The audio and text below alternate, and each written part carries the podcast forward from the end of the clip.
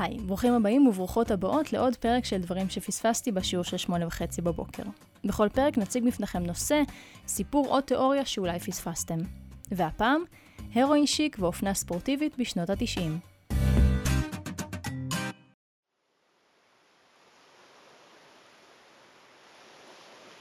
בחוף ים נידח בבריטניה, בתחילת שנות התשעים של המאה ה-20, צילמה צלמת מתחילה ששמה קורין דיי, ילדה בת 16, חיוורת ורזה, חשופת חזה, רצה במורד הדיונות.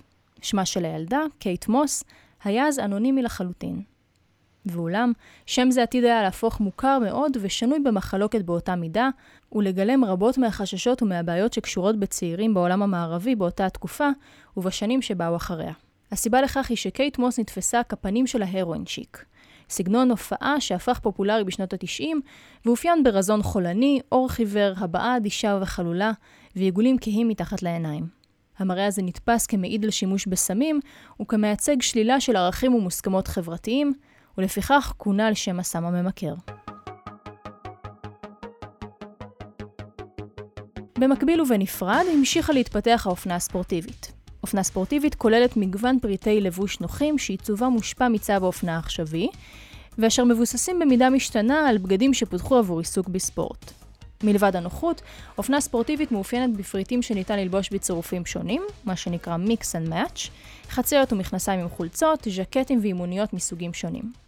היא מורכבת מבגדים שנחשבים קלים לטיפול, עשויים בעיקר מכותנה שניתן לכבס ולייבש בבית. כמו כן, בגדים שמזוהים כאופנה ספורטיבית הם נגישים, וניתן ללבוש אותם באופן עצמאי, ללא צורך בסיוע של עובדות משק בית, שסייעו לנשים להתלבש בעבר. היא מזוהה כיום עם התרבות האמריקנית, שנחשבת לתרבות שתרמה במיוחד לפיתוחה, ומהמחצית השנייה של המאה ה-20 הפכה לצורת הלבוש הנפוצה ביותר בעולם. אם נסכם באופן מכליל יותר, לא מדובר בבגדי ספורט, אופנה ספורטיבית היא כנראה בעצם כל מה שאתם ואנחנו לובשים ולובשות. נראה שבין שני הסגנונות הללו, הרואין שיק ואופנה ספורטיבית, יש ניגודים רבים. הרואין שיק מתקשר לחולי גופני וחברתי, ומכפיף את אידאל הנופי הישי לתכתיבים של רזון קיצוני. לעומת זאת, עיסוק בספורט, שממנו שואבת השראה האופנה הספורטיבית, מתקשר פעמים רבות לגוף בריא, וכתוצאה מכך, כמובן, לנפש בריאה. כמו כן, סגנון אופנתי זה שחרר את בני האדם בכלל, ואת הנשים בפרט, מבגדים מגבילים ולא נוחים. כלומר, בעוד האופנה הספורטיבית התירה את כבלי המכוך, ההרואין שיק מחק את החמוקיים הנשיים. לצד ניגודים אלה יש גם נקודות השקה. הללו הביאו לכך שבשנות ה-90 נוצרה נקודת מפגש בין שני הסגנונות, ומספר קמפיינים שהושקו באותה תקופה הושפעו משניהם. דוגמה לכך הוא הקמפיין למותג קלווין קליין, שבו כיכבה קייט מוס בת ה-19. באותו קמפיין נראית מוס הצעירה עם הגב למצלמה, עצמות עמוד השדרה שלה בולטות, והרזון שלה מובלט גם כן. היא מצולמת בעירום חלקי, לובשת לגופה מכנסי ג'ינס גדולים ממידותיה, וכאמור מכנסי ג'ינס שייכים במובהק לאופנה ספורטיבית, ברישול שנראה מכוון, מה שיוצר מראה מעט אנדרוגיני. הג'ינס משופשפים ובעלי צבע בלתי אחיד, שמעיד על השפעה של סגנון הגראנג'. מבחינת האופנה, הצילום הזה לא שונה מהותית מקמפיינים של אותה החברה משנות ה-80, שגם בהם מופיעים ג'ינסים בגזרה גבוהה, עם השפעה מרומזת של גראנג'. ואולם, האווירה שמשרים הצילומים בקמפיינים הללו שונה לגמרי. הצילומים משנות ה-80 משדרים חיוניות, תנועה, קצב, דינמיות ונעורים. לעומת זאת, הצילום של מוס משדר קודרות, סטטיות, דכדוך, קיפאון ואדישות.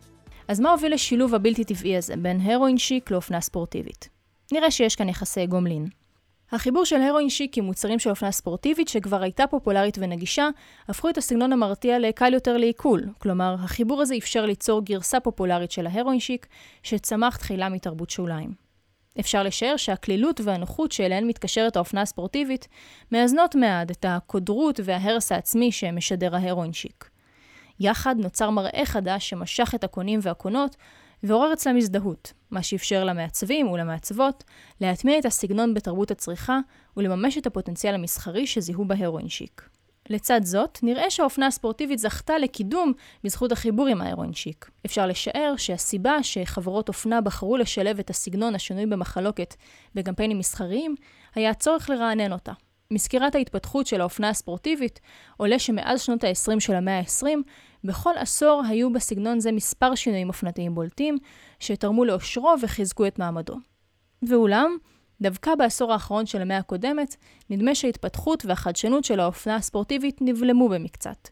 הטרנדים הבולטים של שנות ה-90 הפציעו כבר בסוף שנות ה-80, ובשנות ה-90 הפכו לפופולריים יותר ותפסו תאוצה. ייתכן שחברות האופנה ששילבו הרואין שיק בצילומים לקמפיינים שלהם, ראו בו אמצעי לרענן את המותג שלהן, גם מבלי לחדש באופן ניכר את הבגדים עצמם. החידוש בסגנון ההופעה היווה תחליף לחדשנות בפרטי הלבוש, ואמצעי לחבר את האופנה הספורטיבית לרוח התקופה. כאמור, הרואין שיק שיקף במידה מסוימת את הלך הרוח של הצעירים בשנות ה-90, שהיה קודר, מבולבל ואפל יותר מזה של שנות ה-80, שמזוהה יותר עם שמחת חיים ועם תרבות הרייב.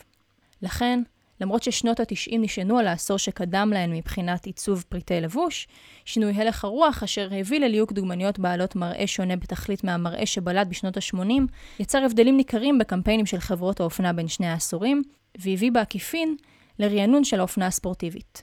המראה של הדוגמניות, הבעותיהן והתנוחות שבהן עיצבו השפיעו על האווירה בצילומים בכללותה והביאו להדגשת ההבדלים. לכן נראה שאף שהרואין שיק שיקף תופעות חברתיות ואולי אפילו השפיע עליהן, הסיבות לכך שהפך כל כך פופולרי הן דווקא מסחריות.